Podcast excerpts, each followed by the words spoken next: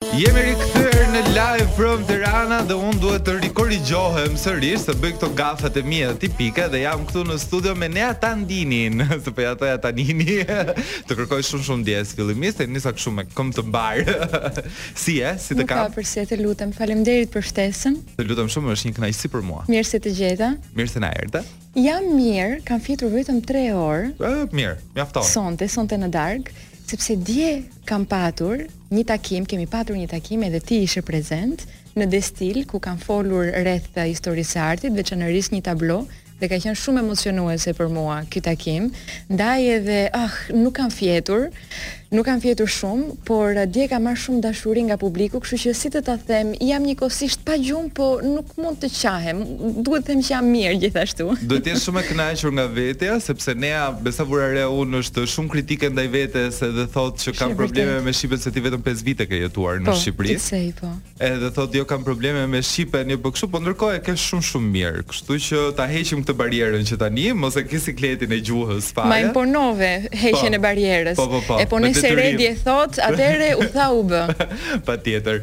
Unë doja të të falënderoja shumë dhe u kënaqa shumë faktikisht në në takimin që patëm edhe mbrëmë ku fole rreth origjinës së botës, që është një vepër që sjell shumë debate dhe shumë polemika, por para se të shkojmë tek ajo te te te ajo çfarë ndodhi dje edhe ta diskutojmë dhe pak edhe sot, ti je një historiane arti. Po. Dhe ke studiuar normalisht për histori arti. Tani, në ditët e sotme ne e dimë që vetë artistët kanë probleme ekonomike, le t'i quajmë në thonjza, po historianët e artit, domethënë përveçse pjesës që mund të japësh mësim, çfarë lloj nga nga ana ekonomike dhe fitimprurëse, si mund të jetë kjo gjë, ta zëmë dikush që mund të jetë shumë i dashuruar me artin, po nuk e ka atë talentin ose dellin artistik, le ta quajmë në këtë lloj mënyre, që mund të dojë për shembull të bëhet tek pjesa e studimit të artit. Sa mm -hmm. sa ia vlen dhe çfarë rrugëtimi duhet të ndjekë, siç mund të kesh bërë dhe ti. Unë shyqyr kur mora përsipër ta bëj këtë zgjedhje, pra të studioj histori arti në Sorbonne në Paris, isha mjaftëshmërisht e re edhe injorante për të kuptuar rëndësinë e të siguruarit vetes time një bazë ekonomike për të ardhmen. Pra, duke mos e ditur dhe duke mos qenë e vetëdijshme për të gjitha risqet që merrja, që ndërmerrja duke bërë një punë e cila nuk do të ishte fitimprurëse, shyqyr Duke mos e ditur këtë gjë, nuk më pengoi që të merrja përsipër të bëja një zgjedhje mjaft guximtare. Kështu që mua më shtyu pasioni. Okay. Jo um, kalkulimi i çfarë mund të më jepte, çfarë lloj karriere mund të më jepte më pas kjo si studim. Nuk mund të flas në mënyrë të përgjithshme, mund të flas për veten time. Unë në të vërtetë ja kam i kam hapur disa dyer vetes, hm? um, sepse jam përpjekur të hap disa dyer vetes, jam përpjekur që të uh, të të go out there edhe që në tregun uh, privat të të universiteteve, të shkollimit, të kulturës, të propozoj disa ide, konferenca, content uh, e uh, e mësimdhënies dhe në fakt kështu kam filluar të të ushtroj zanatin tim. Një historian arti ajo çka mund të bëjë, dua të them në mënyrë tradicionale, është të bëjë research, të bëjë hulumtime shkencore, të japi mësim në universitet edhe herë pas here të japi konferenca. Është një zanat i cili ë përgjithësisht nëse dikush ndjek si historian arti karrierën universitare, pra karrierën në sektorin publik, nuk paguhet shumë, Por nuk është ky rrugëtimi që unë kam zgjedhur. Unë prej dy vitesh tashmë jap mësim në universitete private në Paris, ëh, të cilat janë në fakt më të famshmet edhe më të mira të rankuara në shkollat private të larta, të cilat ëh, janë të specializuara për tregti arti edhe për menaxhim biznesi. për menaxhim, më fal, kulturor, okay. për menaxhim kulturor, dhe jap në këto shkolla histori arti dhe histori opere. Dhe si e tillë unë ndërhyj një çik si content creator, do të thënë që unë i shkoj i trokas shkollës private dhe i propozoj disa kurse, të cilat nuk janë si të thuash tradicionale, nuk janë tipike dhe mbase kjo bën diferencën dhe mbase kjo deri tani më ka lejuar që të ec përpara si historiane arti me të gjitha vështirësitë që mbart kjo ky zanat që të të ec përpara profesionalisht. Pra, unë në vend që të propozoj kurse tipike si historia e rilindjes, propozoj kurse si rebelët e rilindjes në historinë e artit, ose në vend që të propozoj kurse si historia e operës, propozoj kurse si çfarë ndërlidhje ka opera me muzikën kontemporane, Edhe kështu me radhë, për shekullin, për historinë e artit të shekullit tetëmbëdhjetë, për historinë e artit të shekullit nëntëmbëdhjetë, edhe kështu me radhë. Pra, bëj këtë punë, jap mësim, jam guide gjithashtu në Paris, në du, në dy muze, edhe herë pas here bëj konferenca këtu në Tiranë, edhe së shpejti në Paris. Okej, super. Faktikisht duket se e ke edhe goxha ditën e mbushur me sa duket. Oh, e kam shumë të mbushur. Unë gjatë ditës jam duke ose dhënë mësim ose bërë guidë, edhe gjatë darkës jam në bibliotekë, veçanërisht bibliotekën e Sainte-Geneviève afër Panteonit, ku e cila bibliotekë është e hapur deri në orën dhjetë të darkës dhe kjo gjë më lejon që unë të bëj hulumtimet e mia deri vonë. Unë e jetoj, kam fatin të jetoj jetën time duke ushtruar pasionin tim. Lodhem shumë, jam freelance, propozoj te klientë të ndryshëm dhe institucione të ndryshme private idetë e mia. Unë në fakt ndonjëherë qesh me miqtë e mi dhe u them, unë më pak se sa historiane e arti jam tregtare idesh, por e bëj këtë gjë duke jetuar plotësisht pasionin tim dhe më lejo të të them për dëgjuesit që janë duke na dëgjuar, duke na ndjekur në këtë moment, që pata guximin ta bëj këtë gjë. Dhe pavarësisht faktit që kur u nisa, kur e lashë Shqipërinë dhe u nisa për në Paris, të shumtë ishin njerëz që më thanë po çfarë do bësh me histori arti? Dhe nuk i dëgjova.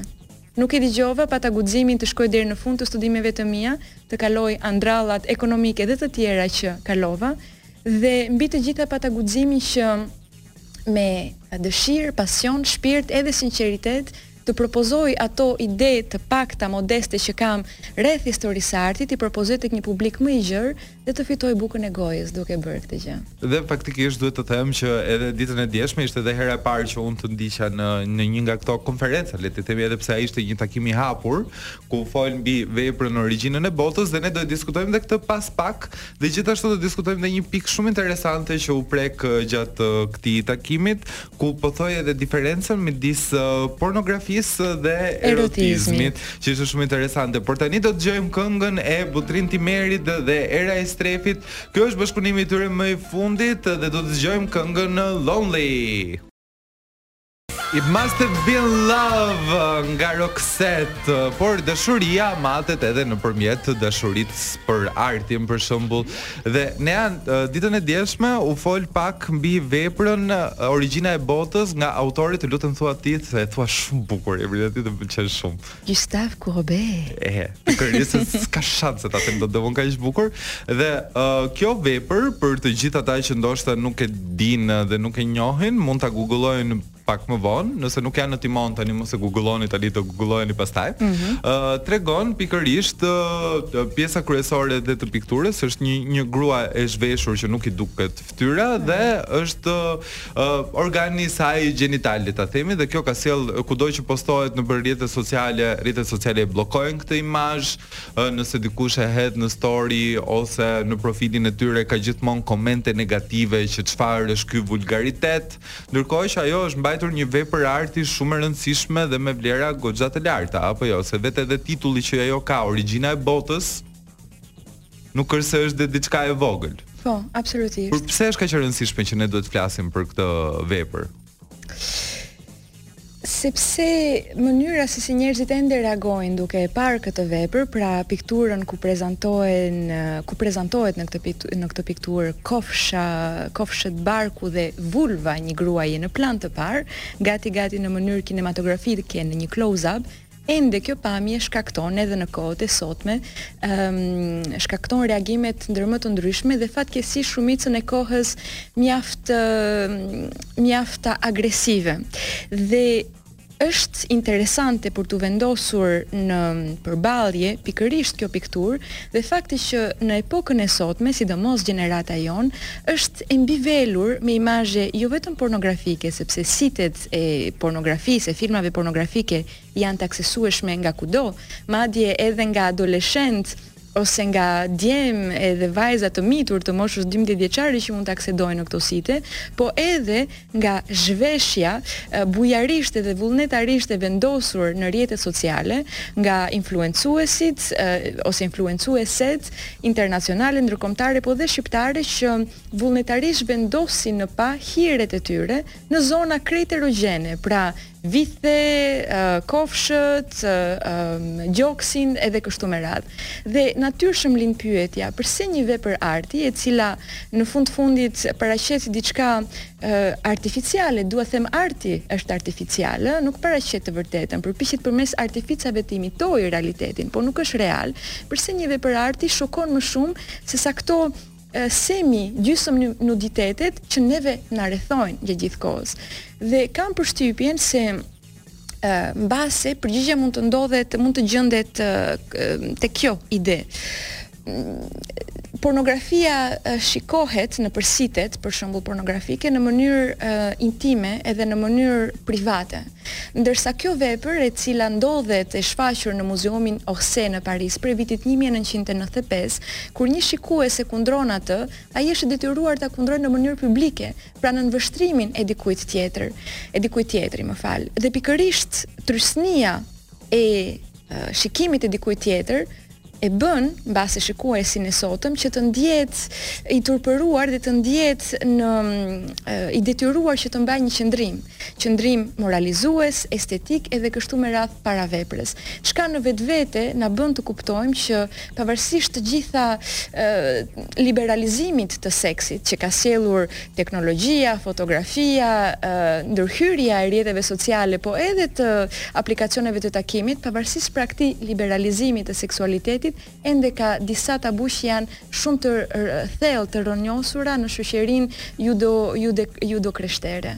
Po ndoshta ka të bëj, ndoshta dhe vepra është krijuar Pikërisht për këtë arsye që të sjellë këto lloj debatesh. Absolutisht. Domethënë për këtë për këtë arsye është bërë që ne të të vihemi përballë kësaj gjëje dhe të heqim turpin apo ndoshta kjo është për të na treguar që kjo gjëja është turp dhe nuk duhet parë. Absolutisht. Janë dy komponentë ata që janë në thelbin e origjinës së botës. Njëri është porositësi, Kalil Bey, një diplomat turko-egjiptian, Ka historianë madje që mendojnë se ka pasur origjinë shqiptare Kalil Bey, pra personi diplomati që ka porositur që ka investuar para për të blerë këtë pikturë, dhe personi tjetër që është përbërësi më i rëndësishëm në realizimin e kësaj vepre është Gustave Courbet. Dhe Gustave Courbet ka qenë një artist, një autor i cili ka qenë politikisht i angazhuar dhe gjithë jetën e tij, gjithë karrierën e tij Ai penelat e tij i ka përdorur si një armë për të luftuar kundër ideve konservatore të Francës në gjysmën e dytë të shekullit nëntëmbëdhjetë, ideve monarkiste dhe ideve të tkurrura dhe të, të vjetëruara të institucionit të Akademisë të Pikturës dhe të Skulpturës. Pra, ndërkohë që Kalil Bej porositi një imazh i cili për të ishte joshës për sytë, pra një imazh të një femre të zhveshur, për Gystav Kurben, realizimi i kësaj vepre përbënte një akt politik. Pra fakti që ai iu dha mundësia financiare, të pikturonte trupin e zhveshur e një gruaje në mënyrë reale, me kofshët e saj reale, me vulvën e saj reale, edhe madje edhe me pilozitetin edhe me qimet mbi këtë vulvë, të prezantuara në mënyrë reale. Pra, do të thoja që Gystav Kurbe, Pa e pa e ditur, mbase duke e shpresuar, po pa e ditur, dy shekuj më vonë, kjo pikturë do të shfaqej në mënyrë publike dhe do të do të ishte ende thelbi i shumë debateve, të cilat ende ekzistonin që prej që në kohën e tij në fakt. Edhe vazhdojnë akoma edhe sot vazhdojnë. edhe kësaj dite. Ne do të vazhdojmë me pak shkëputje dhe do të rikthehemi vetëm pas pak këtu dhe do të pyesim Nean se cila është dhe diferenca midis rinisë shqiptare, duke qenë se edhe ajo është në universitetet e Shqipërisë dhe asaj franceze, ose cilat janë të përbashkëtat.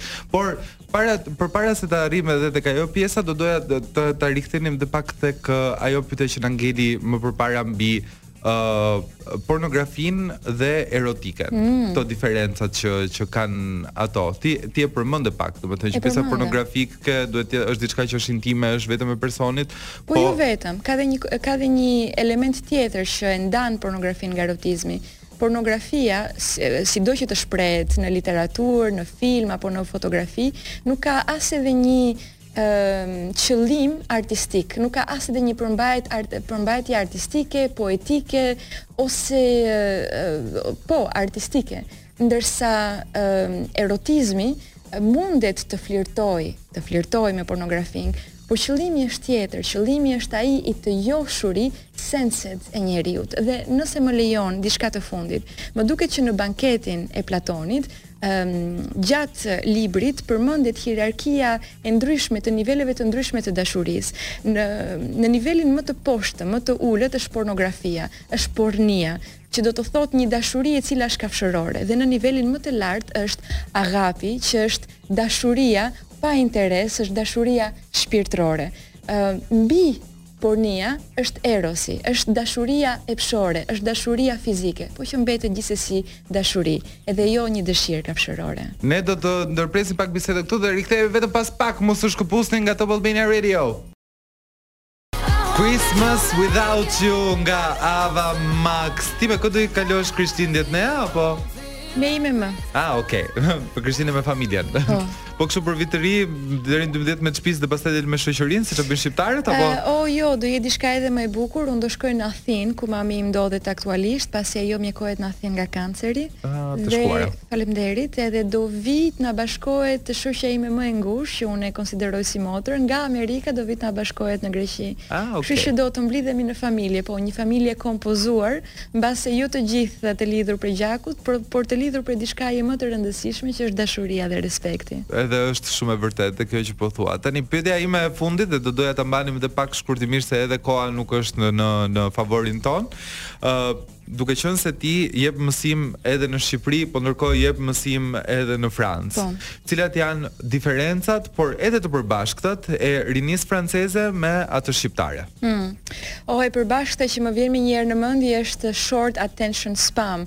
Nuk e di se si. Pra përqendrimi i shkurtër i tyre. Përqendrimi i shkurtër i tyre. Po, më duket se kjo është një problematikë ose një fenomen intergjeneracionale. Është globale me thënë të drejtën. Është globale, absolutisht. Ndërsa sa i përket ndryshimeve ka ka mjaft ndryshime dhe mbase dëgjuesit do të habiten pasi unë e di vetë si shqiptare që jam që ne shqiptarët, ne mezetarët e sh, i kemi sytë hedhur nga Perëndimi dhe konsiderojmë Perëndimin përherë si një oazis kulturor, financiar, ë ë gjithë mirat, të gjitha të mirat absolutisht.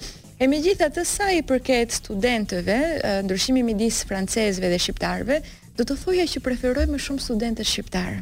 Pse? Sepse janë më të etur për dije. Ndërsa studentët francezë janë të rrethuar, të bombarduar nga dija dhe aksesueshmëria ndaj saj. Bibliotekat uh, publike, Muzeumet, kinemat, kanë aq shumë dije, janë aq shumë të velur dhe aq shumë të ekspozuar ndaj dijes, saqë e shikojnë tashmë, e marrin si të mirëqenë. E marrin si të mirëqenë. Ndërsa publiku shqiptar, çdo herë që vi këtu, janë i kanë syt, veshët, mendjen edhe zemrën e hapur për të marrë çdo lloj sekondi informacioneve që transmetohen me ta. Dhe në fakt ata më kujtojnë veten. veten para trembëdhjetë vitesh ku lash Shqipërinë edhe vajta vajta në Francë. Unë vij nga një vend i varfër, pavarësisht se vij nga një familje të klasës së mesme. Dhe kur studiova histori arti në Sorbonë, që gjithsesi është një materie, është një lëndë ku shumica dërmuese e studentëve të tjerë vijnë nga familje të kamura ose nga familje borgjeze, Studentët e tjerë pra në Francë, familjet e tyre kur ata ishin të vegjël i çonin në muze. Familjarët e tyre ju kanë mësuar me libra në dorë që kur kanë qenë fëmijë. Ndërkohë që un kam qenë fëmijë i migracionit, kam parë mamin dhe babin tim që kanë punuar fort atëherë kur kemi qenë në Greqi në Athinë për të vendosur për të siguruar bukën e gojës, muzeume dhe opera jo që jo, për herë të parë në jetën time i kam parë në moshën njëzet vjeçare. Pra hendeku midis bashkëstudentëve të mi të epokës edhe unë, ishte mjaft i madh dhe arrita ta plotësoj pikërisht falë kësaj dëshire, kësaj etjes që kisha, të cilën e shikoj ende sot tek sytë e studentëve shqiptarë. Më lejo të të kujtoj diçka që ka ndodhur në vitin dy mijë e një mos gabojmë, që ende çdo herë që kujtoj më prek shumë, kur Roberto Benigni në Oscar, në Akademinë e Oscarëve, mori çmimin e filmit më të mirë ndërkombëtar për La Vita è Bella, apo jo? Po. Kur mori Oscar, bëri një fjalim dhe midis të tjerash tha në anglisht me atë theksin e tij të tmerrshëm italian, I want to thank my parents, dua që të falenderoj prindit e mi, that they gave me the best thing in the world, që më dhanë gjënë më të çmuar në botë, edhe më pas thotë: Poverty. që është varfëria. Tani njerëzit në sallë qeshën, por në fakt e fshehur pas kësaj pas këtij gazi ose pas kësaj um, diskursi gazmor që mbajti Roberto Benigni ka diçka shumë më të thellë. Dhe uh, dhe kjo çfarë um, fshihet pas këtij diskursi pra gazmor është bekimi i fshehur i vështirësisë, i mundimeve edhe i varfërisë. Ne vijmë nga një vend i varfër, shumë shpesh e di që e kemi shumë kompleks këtë. Fatkeqësisht çdo herë që kthehem në Tiranë, në Shqipëri, shikoj mënyrat nga më të ndryshme dhe të larmishme se si këtë kompleks përpiqemi ta luftojmë me fasada luksoze dhe fatkeqësisht harrojmë që është pikërisht kjo kjo kjo brerje, është pikërisht kjo varfëri që neve si popull na bën aq kurajoz, edhe na bën aq të talentuar. Është shumë e vërtetë dhe shumë faleminderit për gjitha këto fjalë të bukura që na the sepse është vërtet diçka që ne e shohim sikur është një mallkim në të vërtetë, por ndërkohë na sjell dhe shumë shumë gjëra të tjera të mira sepse na jep edhe forcë. Absolutisht. Nea, unë do doja shumë të të falenderoja që ishe pjesë e Live from Tirana ditën e sotme. Nëse të lutem më lejon Redi, edhe nëse edhe koha na lejon, unë do dëshiroja të të falenderoja edhe më shumë, Do dëshiroja të të thoja publikisht atë që të thashë gjatë pauzave, që ti më mallëngjen shumë, rrugëtimi yt më mallëngjen shumë, ke lindur në vitin nëntëdhjetë e një në një Shqipëri të varfër dhe ke çarë vetë dhe i ke hapur mundësi vetes në këtë vend të mrekullueshëm, kompleks edhe kaotik siç është Shqipëria dhe ti i duhesh këtij vendi dhe të falenderoj shumë, më mallëngjen shumë me dinjitetin që ti ke përparuar dhe shpresoj që kjo gjë të uh, inkurajojë edhe të inspirojë disa dëgjuesit tanë. Faleminderit Redi. Shumë faleminderit edhe ty për këto fjalë shumë të bukura. Ne do të shkëputemi për pak edhe rikthehemi pas pak. Mos u ndani nga Top Albania Radio.